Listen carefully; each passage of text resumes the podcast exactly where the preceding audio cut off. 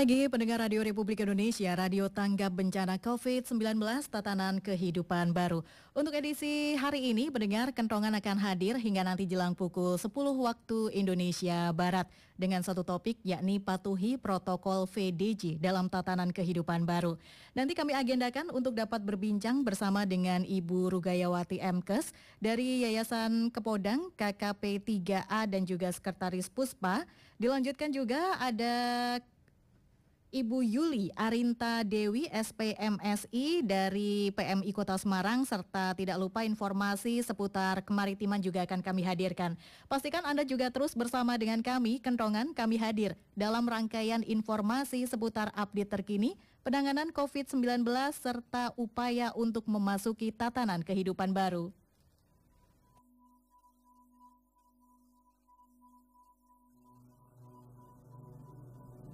Ada lagi salaman. Tak ada lagi senyum. Radio Tanggap Bencana COVID-19, tatanan kehidupan baru. Ya mendengar di kota Semarang ini angka dari penderita COVID-19 ini meningkat cukup signifikan, tetapi hal ini juga langsung disikapi dengan adanya informasi yang disampaikan oleh Wali Kota Semarang.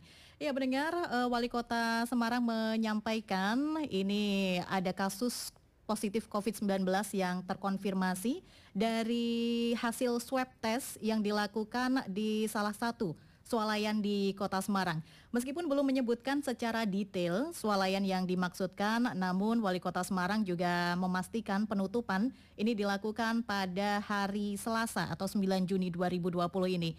Dan Wali Kota juga menekankan jika pihak pengelola swalayan ini enggan melakukan penutupan, maka pemerintah Kota Semarang akan mengambil tindakan untuk menutup paksa. Pendengar eh, disampaikan oleh Wali Kota Semarang bahwa Semarang sendiri, pemerintah kota Semarang akan menjaga komitmennya untuk memutus mata rantai COVID-19 di kota Semarang. Sehingga tidak ada alasan lagi untuk condong ke pihak mana pun dalam mengambil kebijakan. Dan tes massal COVID-19 eh, menurut Wali Kota Semarang ini juga akan terus dilakukan pada sejumlah titik keramaian di ibu kota Jawa Tengah. Dan menurutnya dengan didapatkannya hasil dari tes massal yang dilakukan, maka kerja pemerintah kota Semarang untuk memutus mata rantai akan semakin tepat tetap menggunakan atau tetap memperhatikan protokol kesehatan pendengar ini menjadi salah satu hal yang sangat-sangat penting dan harus diperhatikan mengingat memang menjaga jarak kemudian juga menggunakan masker di mana pun itu bahkan ketika klaster-klaster baru bermunculan seperti halnya di pasar tradisional ini juga menjadi salah satu tempat yang memang harus diwaspadai bersama Protokol kesehatan sekali lagi menggunakan masker, mencuci tangan dengan sabun ini sangat penting dilakukan dan tidak boleh disepelekan oleh siapa pun juga.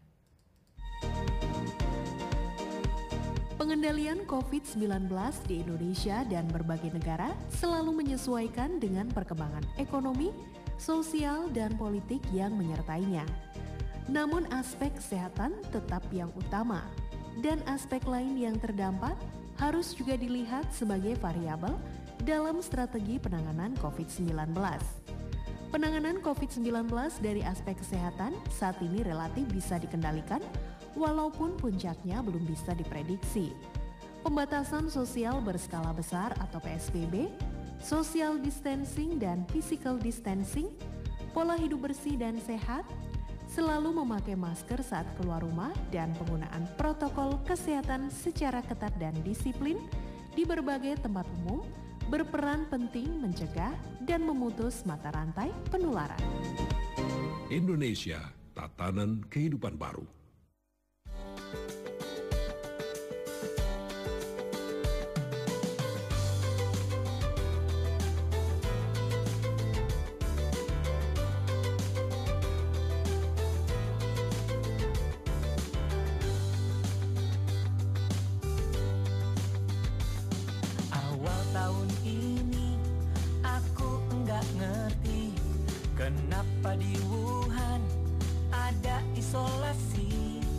Ketika diterangkan corona lagi beraksi. Kita harus mau menjaga jarak bersama. Kerja belajar ibadahlah di rumahmu.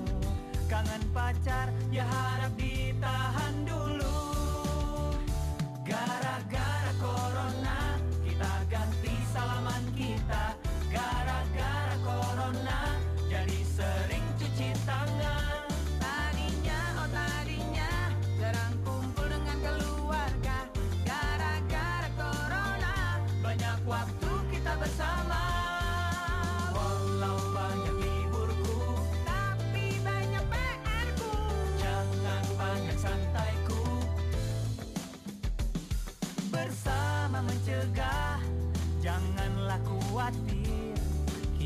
Saling menjaga Diri dan keluarga.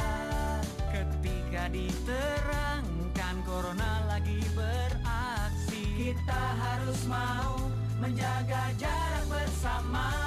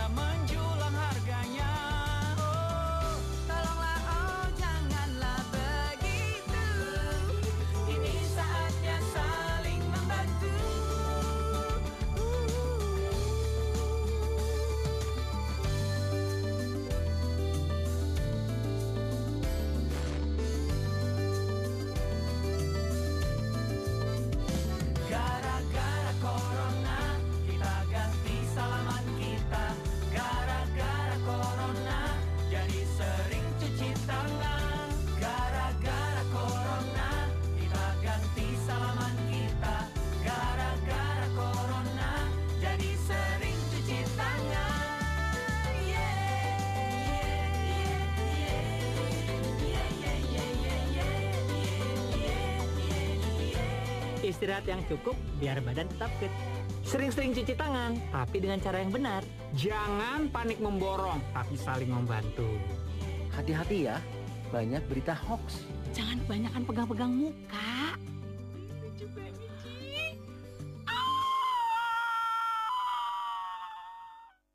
Baik, terima kasih pendengar Anda masih terus mengikuti informasi dari Radio Republik Indonesia, Radio Tangga Bencana COVID-19 Tatanan Kehidupan Baru.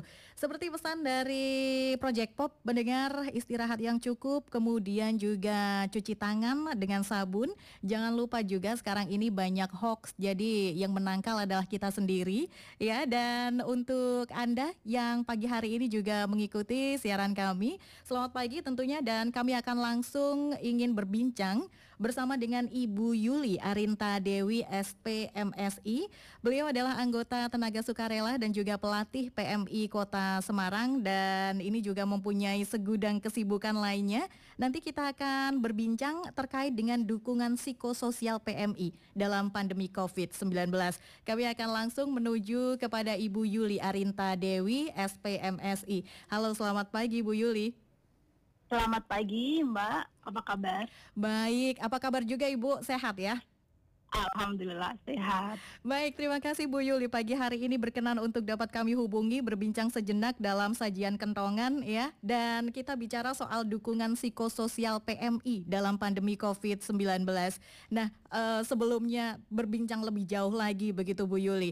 Ini menurut catatan yang kami peroleh ini cukup banyak informasi terkait dengan kegiatan yang dilakukan oleh Ibu Yuli ini eh, bergabung dengan PMI dan sebagainya. Boleh diceritakan dulu Bu, apa kesibukan sekarang ini Bu? Oh, baik, eh, selamat pagi para pendengar RRI Semarang. Perkenalkan saya adalah Yuli Arinta Dewi. Saya adalah relawan PMI Kota Semarang. Selain itu, saya adalah dosen di salah satu perguruan tinggi swasta di Kota Semarang. Iya. Dan sehari-hari saya juga menulis eh, sedikit cerita tentang parenting. Hmm, baik. Ini erat kaitannya dengan sisi psikologis ini. Tapi yang eh, menjadi pertanyaan berikutnya ini di PMI sudah dari tahun berapa ini, Bu? Ya, saya bergabung dengan PMI sejak tahun 2005, jadi sampai sekarang. Aha. 15 tahun ya, sekitar ya, kurang lebih uh, sejak dari tsunami Aceh waktu itu mm -hmm. uh, di Jakarta bergabung sebagai staf PMI Pusat selama kurun waktu 15 tahun.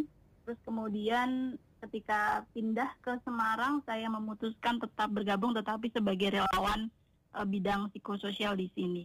Oke, baik. Uh, Bu Yuli, kalau kita bicara soal pandemi COVID-19, ini tidak bisa tidak kalau kita tidak bicara soal dampak yang ditimbulkan kepada masyarakat. Dampak kesehatan sudah pasti, kemudian perekonomian juga sudah nyata kita lihat begitu. Tapi kadang ada satu yang agak luput dari perhatian masyarakat, ini adalah kaitannya dengan dampak secara psikologis atau juga kesehatan mental dari masyarakat. Nah ini seperti apa Bu di tengah pandemi COVID-19 ini? Baik, uh, jadi kalau saya boleh menyampaikan bencana COVID ini tuh pencuri kalau dari sisi uh, psikologi mental. Jadi dia pencuri, pencuri kebahagiaan dan mm -hmm. kebersamaan ya khususnya karena secara jenis uh, bencana COVID ini memang jenis bencana non alam. Dia sama dengan bencana yang lain karakternya menimbulkan kehilangan tapi jenis kehilangan yang ditimbulkan justru lebih ke bagaimana dia terpisah dengan anggota keluarga, kemudian dia harus uh, membuat perilaku-perilaku baru yang berbeda. Nah, kadang uh, kehilangan dan uh, kesempatan itu uh, dan terbukti ya dalam secara uh, dampak secara global bahwa mm -hmm. ini menimbulkan uh, dampak pada kesehatan mental secara nasional bahkan secara dunia dan ini sudah terbukti uh, secara nasional dan juga secara dunia bahwa ini adalah pandemi global yang berdampak pada kesehatan mental, menimbulkan kecemasan, keresahan, kesedihan yang mendalam karena akibat kehilangan yang tiba-tiba dan mendadak. Karena kan kita tidak sebelumnya tidak tidak menyangka ya Betul. bahwa ada jenis bencana seperti ini. Gitu. Mm -hmm. Bu Yuli, uh, apakah ini juga berlaku untuk segala tataran umur begitu? Dalam artian, apakah uh, ini lebih banyak uh, dampak mental ini kepada masyarakat itu lebih banyak ada di perempuan atau justru bahkan uh, di laki-laki karena memang sebagai kepala rumah tangga misalnya sebagai tulang punggung keluarga ataukah ini sebetulnya uh, bisa di semua tataran bahkan anak-anak pun juga bisa saja kesehatan mentalnya ini juga turut terpengaruh ini Bu? Baik, uh, sebagai salah satu jenis bencana, mm -hmm. ini menyasar kepada seluruh individu yang terdampak di komunitas. Jadi baik itu anak-anak, mm -hmm. perempuan, remaja, lelaki dewasa maupun lansia, semuanya terpapar, semuanya memiliki dampak. Tetapi uh, dampak yang lebih mendalam, terutama juga bagi mereka yang memang sebelum bencana ini datang tuh mereka sudah rentan. Contohnya adalah para perempuan dan anak-anak. Mereka secara rentan apa? Misalkan kita sudah tahu data bahwa banyak terjadi eh, kasus-kasus kekerasan yang terjadi di keluarga atau misalkan bahwa anak-anak itu mereka masih rentan secara fisik kan juga ya dari sisi kesehatan ya. Mm-hmm. Jika dengan adanya uh, jenis bencana ini kerentanan itu menjadi semakin bertambah terutama juga lansia. Lansia kan secara kesehatan mereka juga sudah mulai menurun. Menurun, betul. Kesehatan fisik ya, dan mm -hmm. itu uh, ditambah lagi kecemasan, berita-berita yang gitu. Tapi di luar itu, mm -hmm. bahwa sebagai jenis bencana, setiap individu yang terdampak, yang ada di dalam komunitas yang terdampak bencana ini terpapar oleh dampaknya.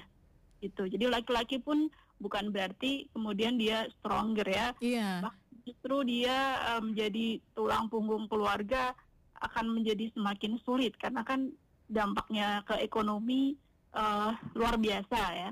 Baik. Nah, itu. Iya, itu. jadi secara jenis kelamin juga tidak ada pemisahan siapa yang bisa terdampak untuk sisi mental ini, baik laki-laki maupun perempuan bisa saja atau berpotensi untuk bisa ini ya, Bu, bisa terkena dampak uh, mental ini juga ya, kesehatan mental. Ya, mm -hmm. Betul. Baik, kemudian uh, tadi di awal kita sudah menyampaikan bahwa ada dukungan psikososial yang diberikan begitu, dukungan psikososial PMI di tengah pandemi COVID-19. Nah, Ini apa sih Bu sebetulnya dukungan psikososial yang dimaksudkan? Kemudian juga uh, berupa apa ini program yang dilakukan ini? Oh baik, uh, berangkat dari yang tadi bahwa setiap orang individu yang di dalam komunitas itu terdampak, mm -hmm. itu kita setuju. Tapi kemudian kita juga punya fakta bahwa manusia itu adalah makhluk yang tangguh, manusia itu makhluk yang kuat ketika mengalami suatu kondisi yang berat sekaligus atau bencana, secara real dan secara penelitian terbukti bahwa 90% itu sebetulnya atau lebih dari 70% itu mampu bangkit dari keterpurukan. Dengan hmm. apa? Dengan me, dengan memaksimal kekuatannya untuk bangkit, untuk ayo kita uh, kuat gitu. Nah, itu itulah yang uh, menjadi satu prinsip utama pendekatan psikososial bahwa sejatinya manusia itu adalah makhluk yang resilient, masuk makhluk yang tangguh. Tapi uh, kita perlu membangkitkan ketangguhan alami manusia itu dengan program-program yang berbasis komunitas, berbasis kelompok, berbasis uh, masyarakat dengan pendekatan keluarga. Mm -hmm. uh, itulah yang dilakukan oleh Palang Merah Indonesia sehingga tidak berfokus pada bagaimana pemulihan individu-individu. Misalkan contoh lah ya trauma healing, yeah. misalkan individu-individu yang memiliki dampak yang dalam, depresi dan sebagainya. Memang mm -hmm. karena apa? Karena itu membutuhkan kompetensi yang lebih dalam. Dia membutuhkan uh, kompetensi klinis, yeah. psikolog. Nah, sedangkan Palang Merah Indonesia uh, mengutamakan dukungan psikososial. Psiko adalah aspek pribadi dan sosial adalah aspek sosial uh, hubungan antara individu dengan masyarakat, dengan mm-hmm. lingkungannya. Nah, program-program inilah kemudian yang digerakkan. Lalu apa saja yang dilakukan dalam COVID-19? Uh, Palang Merah Indonesia Pusat mengeluarkan satu protokol bahwa untuk dukungan psikososial yang bisa dilakukan oleh Palang Merah Indonesia ada dua hal utama. Iya. Yang apa pertama, saja itu, Bu? Mm-hmm. Yang pertama adalah edukasi.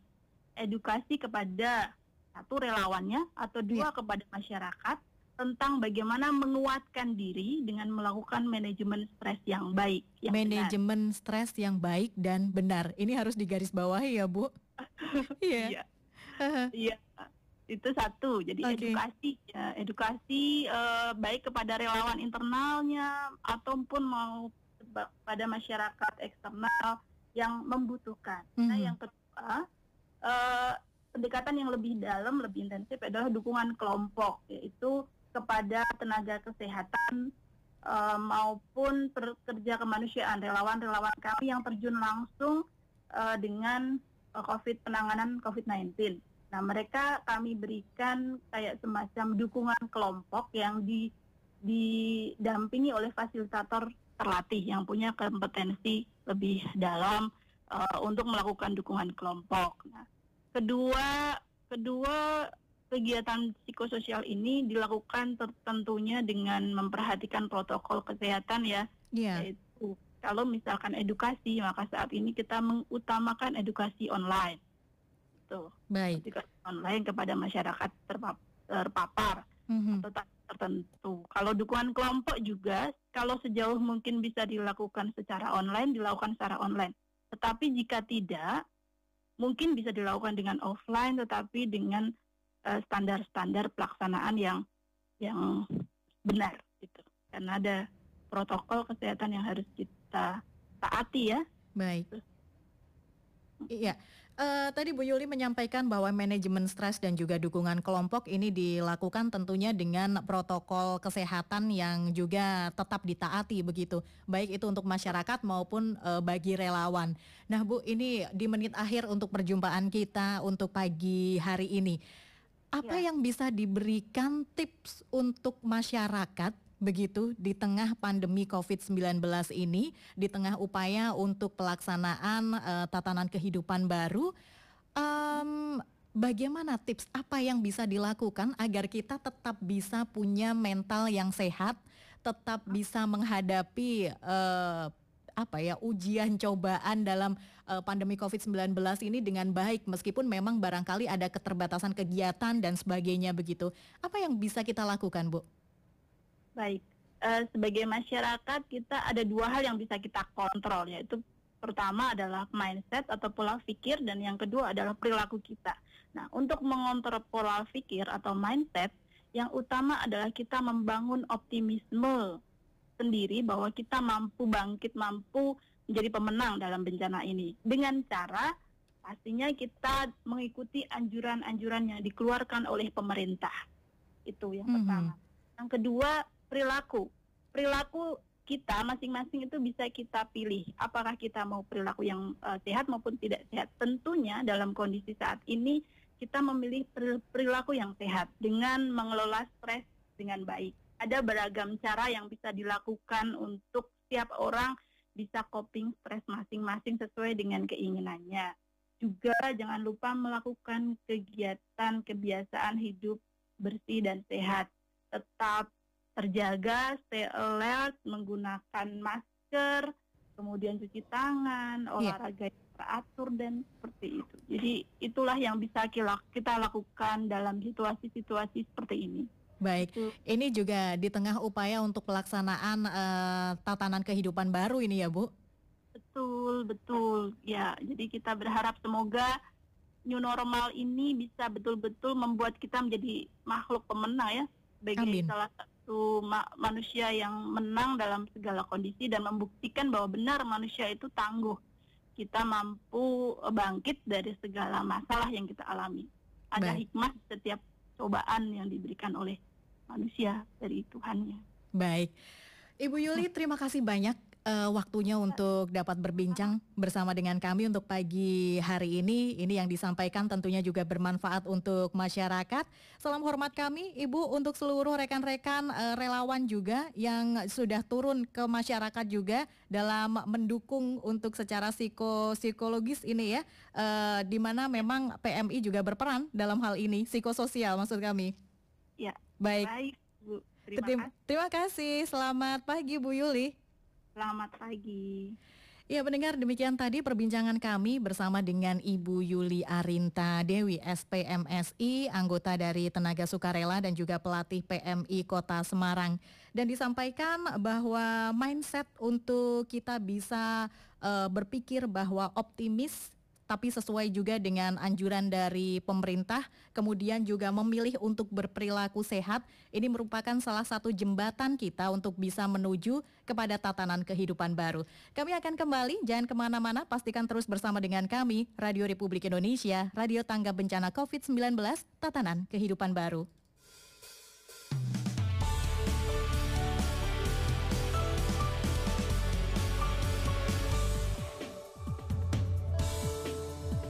Detik waktu berjalan di tengah kebahagiaan kita Virus corona melanda.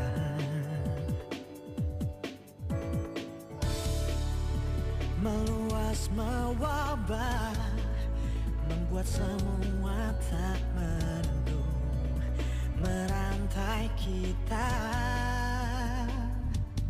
Janganlah bersedih Semua akan berlalu. Ayo kita lawan Jaga kebersihan Sekitar kita. Mari bersatu Hilangkan cemasmu. Bersama hadapi wabah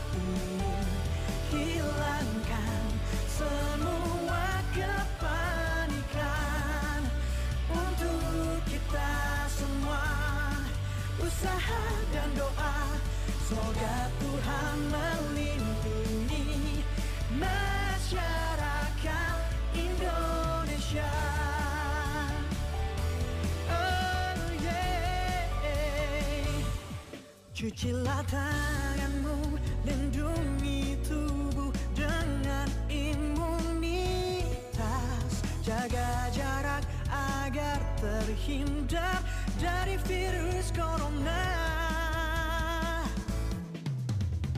Mari bersatu, hilangkan cemasmu Bersama hadapi wabah ini Hilangkan semua kepanikan Untuk kita semua Usaha dan doa Semoga Tuhan melindungi masyarakat Indonesia.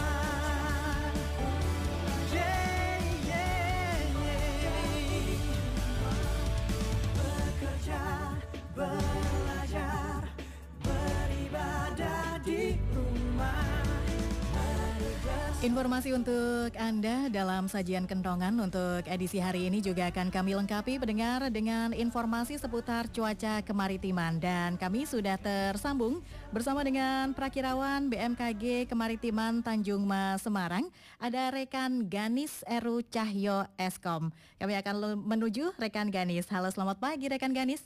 Selamat pagi Mbak Rosi. Iya bagaimana ini informasi seputar cuaca kemaritiman yang berlaku hingga esok hari? Silahkan. Baik, terima kasih. Untuk perakhiran cuaca kemaritiman yang berlaku tanggal 9 Juni 2020 pukul 19.00 hingga besok pagi tanggal 10 Juni 2020 pukul 07.00 WIB perlu kami sampaikan di sini ada peringatan dini tinggi gelombang 1,25 hingga 2,5 meter yang berpeluang terjadi di Laut Jawa bagian tengah dan di perairan selatan Kalimantan. Sedangkan kondisi cuaca secara umum untuk wilayah perairan selatan Kalimantan Tengah, Laut Jawa bagian tengah, perairan Kepulauan Karimun Jawa, dan perairan utara Jawa Tengah umumnya berawan berpeluang hujan. Angin bertiup dari arah timur laut hingga selatan dengan kecepatan berkisar antara 2 hingga 20 knot. Tinggi gelombang laut berkisar antara 0,5 hingga 2 meter. Yang perlu diperhatikan untuk para nelayan dan pengguna transportasi laut bahwa untuk tinggi gelombang di wilayah perairan selatan Kalimantan Tengah dan di Laut Jawa itu dalam kategori sedang berkisar antara 0,5 hingga 2 meter. Iya.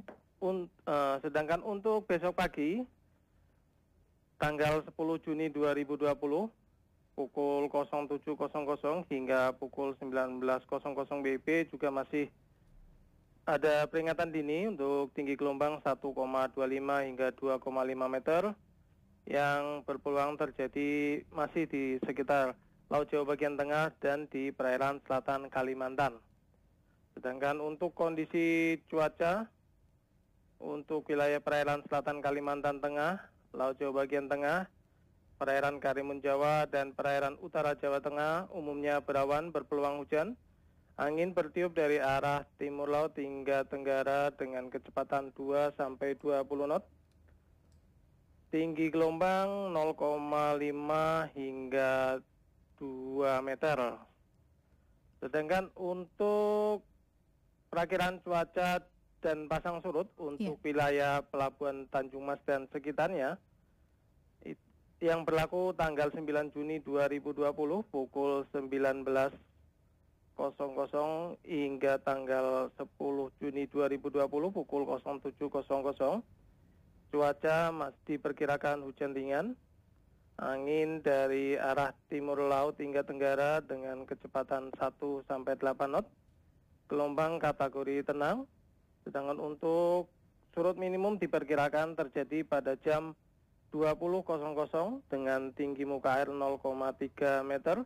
Sedang pasang maksimum diperkirakan terjadi pada jam 01.00 dengan tinggi muka air 0,5 meter. Demikian Mbak Rosi. Baik, terima kasih banyak rekan Ganis Eru Cahyo atas informasinya untuk pagi hari ini. Selamat pagi, selamat bertugas kembali. Selamat pagi Mbak Rosi. Ya, demikian tadi pendengar informasi dari Prakirawan BMKG Kemaritiman Tanjung Mas Semarang. Ada rekan Genis, eh, maksud kami Ganis Eru Cahyo Eskom yang menyampaikan juga ada peringatan dini mengingat tinggi gelombang ini 1,25 sampai dengan 2,5 meter. Ini juga menjadi perhatian untuk eh, saudara-saudara kita nelayan yang hendak eh, menjalankan aktivitasnya. Ini juga peringatan dini juga harus diperhatikan tentunya. Baik, kami akan kembali sesaat lagi. Sudah sering kita mendengar new normal atau tatanan kehidupan baru. Apa makna dari tatanan kehidupan baru itu? Tatanan kehidupan baru adalah kebijakan membuka kembali aktivitas ekonomi, sosial, dan kegiatan publik secara terbatas dengan menggunakan standar kesehatan yang sebelumnya tidak ada sebelum pandemi. Upaya menyelamatkan hidup warga dan menjaga agar negara tetap bisa berdaya menjalankan fungsinya. Tatanan kehidupan baru adalah tahapan baru setelah kebijakan stay at home atau work from home atau pembatasan sosial diberlakukan untuk mencegah penyebaran masif wabah virus corona. Utamanya agar warga yang memerlukan aktivitas luar rumah dapat bekerja dengan menggunakan standar kesehatan yang ditetapkan jadi, bukan sekedar bebas bergerombol. Tatanan kehidupan baru diberlakukan karena tidak mungkin warga terus-menerus bersembunyi di rumah tanpa kepastian. Tidak mungkin seluruh aktivitas ekonomi berhenti tanpa kepastian yang menyebabkan kebangkrutan total, PHK massal, dan kekacauan sosial. Diberlakukannya tatanan kehidupan baru dengan kesadaran penuh bahwa wabah masih ada di sekitar kita untuk itu, aktivitas ekonomi atau publik diperbolehkan dengan syarat menggunakan protokol kesehatan yang telah ditetapkan. Indonesia, tatanan kehidupan baru. Masih dipancarkan dari kawasan Simpang 5 Jalan Ahmad Yani 14414 Semarang pendengar dan kini kami akan lanjutkan untuk dapat menghubungi Ibu Rugayawati Mkes. Gini beliau dari Yayasan Kepodang, KKP 3A dan juga Sekretaris Puspa. Dan kita akan berbincang seputar patuhi protokol VDJ dalam tatanan kehidupan baru. Beliau akrab disapa dengan Mbak Gaya. Kami akan langsung menuju ke Mbak Gaya. Halo selamat pagi Mbak Gaya. Halo Mbak Rosi, selamat pagi. Assalamualaikum warahmatullahi wabarakatuh. Waalaikumsalam warahmatullahi wabarakatuh. Sedang sibuk apa ini Mbak Gaya? ya, ini uh, urusan baksos biasanya nih masih terus. Masih terus. Kemarin, ya, karena kemarin baksos masalah uh, apa bulan puasa ya. Mm-hmm. Sekarang ada permasalahan lagi uh, yang kena rob ini kalongan. Baik, ini juga di tengah uh, pandemi COVID-19, ini juga menjadi keprihatinan kita bersama ya Mbak Gaya. Ini saudara-saudara kita di Pekalongan juga terkena rob. Mudah-mudahan ini bantuan juga cepat tersalurkan Mbak Gaya. Amin, amin. Mudah-mudahan kita Baik. doakan bersama.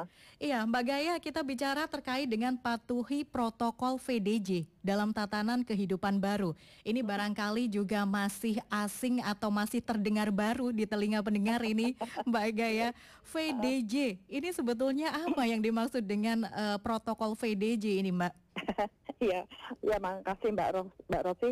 Uh, mudah-mudahan uh, pendengar di mana pun anda berada selalu sehat ya, amin, ya, amin. termasuk penyiarnya nih ya. Amin, amin. Dilindungi Allah Subhanahu Wa Taala. Amin. Uh, Mbak Rosi, ini kita selama ini kan uh, melakukan kegiatan uh, di rumah saja ya kemarin-kemarin ya. Tetapi sekarang kan tidak mungkin tadi yang sudah disampaikan Mbak Rosi, tidak mungkin kita harus duduk manis di rumah terus dengan bekerja dari rumah, belajar dari rumah dan sebagainya tetapi kita harus memasuki suatu tatanan kehidupan baru. Nah, eh, tatanan kehidupan baru itu banyak sekali protokol yang harus kita patuhi. Nah, di antaranya itu yaitu tadi VDJ. VDJ. Apa itu VDJ ya? Apa itu? VDJ dari kata ventilasi, durasi dan jarak. Ah, hmm. oke. Okay. boleh kita bedah satu-satu ini Mbak berarti ventilasi, yeah. durasi dan mhm. -huh. jarak ini. Mhm. Iya. Uh, uh, jadi ventilasi itu uh, hindari ruang publik atau transportasi publik mm-hmm. uh, yang apa ventilas ventilasinya atau sirkulasinya udara tertutup mbak. Jadi kan kadang-kadang oh. kita dengan menggunakan uh, transportasi umum, makanya kan sekarang dihindari ya transportasi umum kalau bisa. Mm-hmm. Nah, itu uh, ataupun di gedung dan misalnya di gedung itu uh, ada kan itu termasuk ventilasi tertutup kalau ber AC kan.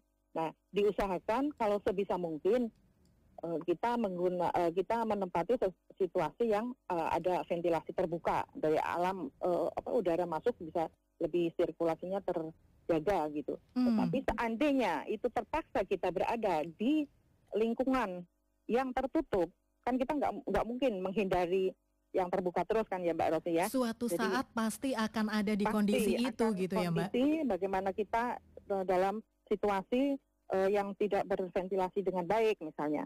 Nah itu kita perlunya uh, menata diri misalnya. Kita bertemu dengan seseorang di saat kondisi yang seperti itu kita harus usahakan durasi jangan berlama-lama berbicara oh, dengan orang tersebut. Seandainya kita harus berbicara dengan mm -hmm. orang lain gitu, itu minimal 5 sampai 15 menit. Kalau kira-kira pembicaraan itu lebih dari 15 menit, mendingan menggunakan online. Itu Mbak Rosi. Baik. Ya. Ini jadi, jadi ada itu -huh. ada kaitannya antara ventilasi dan durasi D yang kedua Betul. tadi ya. Juga oh, satunya okay. jarak, Mbak. Satunya jarak, oke. Okay. Jarak ya. -huh. Jadi di samping tadi kita misalnya terpaksa harus ngobrol atau omong-omong dengan orang lain, eh, nggak uh, boleh lebih dari 15 menit, juga mm-hmm. kita harus menjaga jarak. Jarak kita berbicara dengan orang lain di ruang publik itu sejauh 2 meter, satu setengah lah minimal satu setengah sampai 2 meter, gitu. Jadi yeah. kita harus Mm-hmm. Kita harus membatasi orang di dalam satu ruangan misalnya ya. Kadang-kadang kita dalam satu ruangan di kantor kan kita sudah mulai nih uh, apa banyak yang sudah kantor ya. Uh, kadang ruangannya ter, tertutup AC, tetapi ruang itu mungkin uh, ditempati oleh beberapa orang. Nah, ini kita harus bisa menjaga jarak satu dengan yang lainnya. Jadi harus uh, minimal 2 meter lah. Jadi itu akan aman. Mm-hmm. Meskipun masing-masing tetap menggunakan masker, tetap melakukan cuci tangan, sering mencuci tangan dengan air mengalir dan bersih yeah. air bersih ya yang mengalir dan pakai sabun tentunya gitu mbak. Oke okay. baik mbak Gaya kalau kita bicara soal ruang terbuka ini pastinya kan uh, kita sekali lagi juga tidak bisa menghindari baik itu ruang yang tertutup maupun ruang yang terbuka. Meskipun kita mungkin sebisa mungkin berada di rumah atau mungkin sebisa mungkin uh, tadi ya ada ventilasi yang uh, terbuka begitu. Tapi ada kalanya kita berada di dua posisi tersebut uh, secara langsung begitu. Nah, ini yeah. resiko penularan COVID-19 di ruang terbuka itu uh, kalau tidak salah berjenjang ya Mbak, ada levelnya ya, ada Betul. rendah, sedang dan tinggi. Nah ini bagaimana Betul, ini Mbak? Nah, penting-pentingnya kita bisa uh, mensikapi ini dengan uh, resiko yang sangat rendah. Kita harus bisa memilih uh, menentukan sikap risiko manakah di antara pilihan-pilihan ini risiko yang terendah itu yang harus kita pilih oh. jangan risiko yang tertinggi ya Mbak Rosi. Iya pastinya. mm -hmm. kalau, kalau kita ingin memutus rantai uh, penularan COVID ini, ayo kita sama-sama karena ini kegiatan ini bukan uh, nafsi-nafsi ya, bukan kegiatan apa untuk kepentingan sendiri-sendiri, tetapi untuk kepentingan kumulasi ya, mm-hmm. jadi uh, kumulatif. Jadi uh, kita harus sama-sama bareng-bareng uh, kita bersinergi untuk mencari risiko yang terendah. Misalnya, risiko terendahnya apa sih Mbak Rosi? Ya memang kita tinggal di rumah, ya kan? Iya Hanya sih. keluar rumah ke halaman misalnya. Yeah. atau ke teras luar untuk berjemur ya loh atau stretching olahraga ringan. Atau bermain sama anak-anak. Pakai masker tetap dan cuci tangan dengan sabun selalu. Hmm. dengan air yang mengalir. Itu itu ya resiko yang paling rendah mbak kalau di luar rumah itu. Oke okay. ya. baik. Uh, kemudian meningkat agak meningkatnya lagi misalnya olahraga sendiri kan biasanya jogging misalnya senang jogging atau, atau bersepeda. Iya. Pemilih itu yang sepi, jangan jangan apa uh, yang rame sehingga uh, kita lebih berisiko lagi ya. Uh, kemarin ada yang bersepeda dengan masker akhirnya uh, kurang kurang O2 malah Oksigen. kebanyakan CO2 oh, iya. ya kan mm -hmm. akhirnya meninggal. Nah, ini jangan sampai terjadi jangan sampai terjadi uh, pada diri kita ataupun keluarga kita ya atau mungkin pergi ke taman mbak karena mm-hmm. bosan kan di rumah yeah. kita berolahraga di taman tapi tetap menjaga jarak 2 meter dengan siapa pun hindari menyentuh barang publik seperti mungkin ayunan ada bangku ya yang bisa di, kita dudukin ya duduk aja nggak usah pegang-pegang bangkunya gitu mbak mbak Rosi ya okay, juga baik. jangan bicara terlalu keras sehingga mm-hmm. uh, menimbulkan ketidaknyamanan sekitarnya Oke, okay, Ada baik. risiko yang lebih tinggi mungkin Mbak, Mbak Rosi olahraga bersama. Nah, apa apa konser kemarin ya ada konser di iya. Jakarta yeah. itu sangat risiko tinggi itu tidak boleh terjadi sebetulnya mm -hmm. dalam situasi uh, COVID seperti ini. Jadi harapannya ketika masyarakat sudah mengetahui uh, bagaimana kategori dari masing-masing begitu, uh-huh. resiko rendah, sedang dan tinggi, ini masyarakat bisa memilih dan memilah ya Mbak? Betul. Untuk betul, mana Mbak. yang dilakukan gitu? Betul, karena itu tanggung jawab diri kita ya. Iya. Meskipun uh, masing-masing kita adalah penyokong dari angka penularan COVID tingkat uh, RT, tingkat RW, kelurahan, iya. uh, kabupaten, uh, kota maupun tingkat uh, gubernuran ya, tingkat Jawa Tengah, mm -hmm. apa tingkat provinsi atau tingkat nasional ataupun tingkat global. Sekarang ini kita penyumbang, penyumbang angka satu dua itu sangat-sangat berisiko. Makanya semua dari kita harus punya tanggung jawab diri untuk masing-masing disiplin akan uh, protokol kesehatan ini supaya penularan COVID ini segera berakhir. Amin. Dan itu harapan kita bersama. Seperti tadi yang disampaikan uh, hmm. dari PMI ya. Betul. Kita harus menjadi pemenang dalam situasi seperti ini. Betul sekali. Kita melakukan kegiatan demi kegiatan itu sangat terganggu sekali dengan situasi seperti ini. Tetapi uh, selalu kita selalu ambil syukurnya, Mbak. Orang Jawa kan selalu ada untungnya kayaknya ya. Ada hikmah di balik kejadian hikmah, gitu ya, Mbak. ada hikmah di balik ini semua. Yeah. Kita ambil positifnya. Kita ambil uh, apa hikmah yang positifnya, hikmah baiknya bahwa kita dalam situasi seperti ini tentulah kita selalu dekat sama Allah, dekat uh, dengan uh, menambah kualitas maupun kuantitas ibadah kita. Yeah. Mungkin yang tadi ngajinya cuma sebentar sekarang diperbanyak ngajinya karena banyak banyak di rumah, di rumah ya. gitu. banyak di rumah okay. kita meskipun melakukan pekerjaan tugas yang harus dilakukan yeah. di, di dinas kita masing-masing tapi kita juga bisa menyisikan waktu untuk mendekatkan diri kepada mm -hmm. Allah Subhanahu wa taala. Baik, Mbak Gaya, ini nanti akan kita lanjutkan lagi karena mm -hmm. tadi kita sudah berbincang uh, terkait dengan resiko yang bisa kita uh, pilih begitu ketika kita berada di ruangan terbuka dan sebaliknya mm -hmm. nanti kita akan bicara bagaimana sih resiko di ruang yang tertutup begitu. Tapi nanti Betul. ya Mbak, kita akan kembali sesaat ya. lagi jangan ke mana-mana.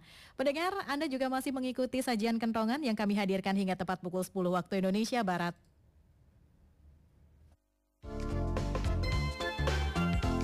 Pandemi virus corona berpengaruh sangat besar terhadap kehidupan masyarakat.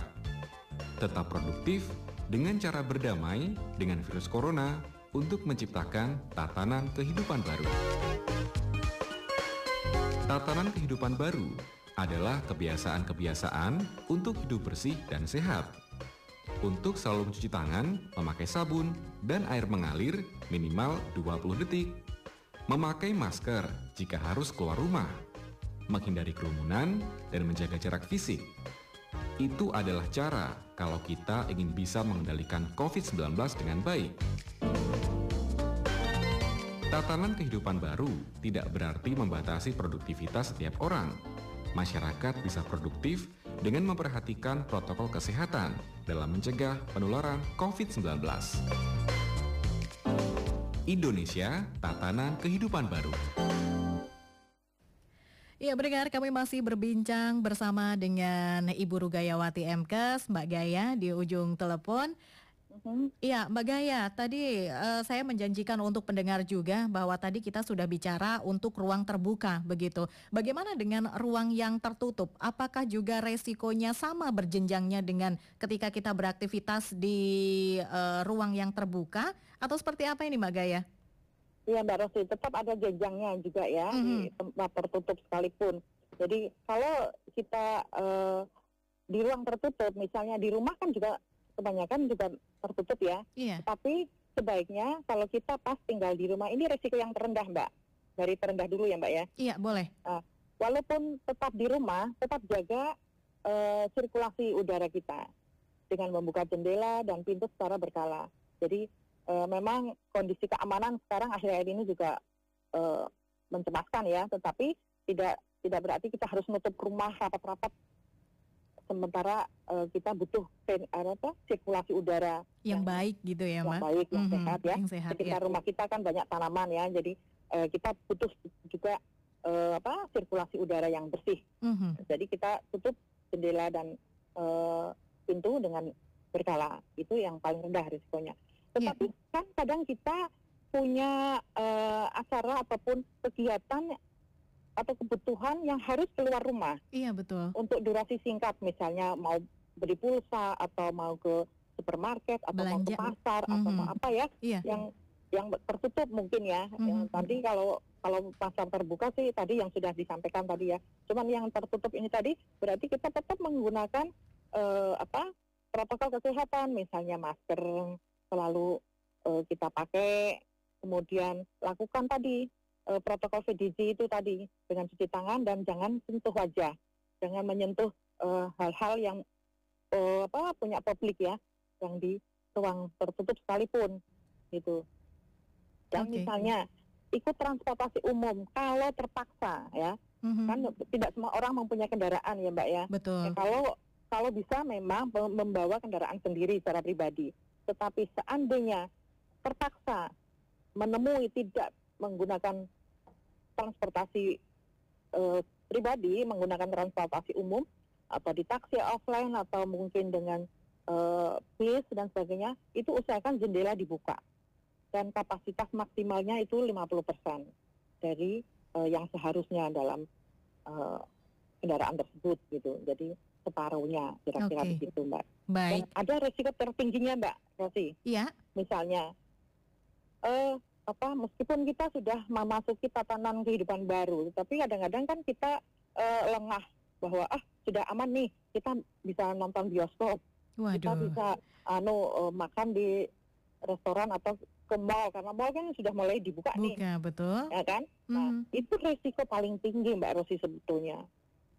Ya, resiko yang paling eh, tinggi Iya. di karena di tempat tertutup di gedung juga di tempat bekerja Mbak Rosi. Tempat bekerja yang tertutup itu tadi yang eh, apa namanya kurang durasinya ya antar satu dan yang lainnya itu kurang itu juga beresiko. Jadi di mana pun kita berada di ruang terbuka maupun tertutup kita harus patuhi protokol VDG tadi. Baik. Durasi, jarak, dan juga ventilasi tadi. Iya, dan ini tadi ya, eh, yang menarik yang harus juga menjadi catatan bahwa tidak boleh lengah. Meskipun sekarang ini sudah diberlakukan eh, untuk menuju tatanan kehidupan baru, tetapi tidak boleh lengah itu wajib ya Mbak? Iya, Aha. karena kita harus tetap disiplin. Betul. Kita me- menjalani kehidupan yang bersih, yang disiplin untuk kebersihan diri dan kebersihan lingkungan. Itu penting sekali Mbak Rosi. Baik. Ada ataupun tidak ada pandemi ini, sebetulnya tatanan kehidupan baru seperti ini perlu dilestarikan menurut saya. Jadi tetap kita lakukan seterusnya sebetulnya nyaman kok kalau kita sudah terbiasa melakukan eh, disiplin protokoler kesehatan ini. Kan Iya. juga kita juga menjaga bukan hanya COVID saja ya kan. Betul. Banyak sekali penyakit yang Iya. mengintai di sekitar kita. Dan perilaku baik ini harus dipertahankan sampai kapan pun sepertinya ya Mbak? Betul, betul Iya. Mbak Rosi. Saya setuju sekali seperti Oke. itu. Jadi kita menikmati Iya. eh, situasi ini, kita menjadikan perilaku sehari-hari. Mhm, Baik. Eh, Mbak Gaya, sepertinya harus sampai di sini juga perbincangan kita untuk hari ini. Mudah-mudahan di lain kesempatan ini kita bisa berjumpa lagi untuk kita bisa sama-sama saling memberikan informasi begitu kepada masyarakat terkait dengan hal-hal baik yang bisa kita lakukan di tengah pandemi ini ya Mbak. Iya, insya Allah Mbak Rosi. Kita Baik. sama-sama sharing ya, bukan menggurui, tapi saling mengingatkan. Baik, terima kasih Mbak Gaya. Selamat pagi, selamat bertugas Selamat pagi. kembali. Sehat selalu Mbak. Alhamdulillah, insya Allah. Wassalamualaikum warahmatullahi wabarakatuh. Waalaikumsalam warahmatullahi wabarakatuh. Demikian tadi pendengar perbincangan kami bersama dengan Ibu Rugayawati Mkes terkait dengan patuhi protokol VDJ atau eh, dalam kepanjangannya ini adalah terkait dengan ventilasi, kemudian durasi dan juga jarak dalam tatanan kehidupan baru. Dan akhirnya kami akhiri untuk kendongan edisi hari ini Selasa 9 Juni 2020. Selamat pagi.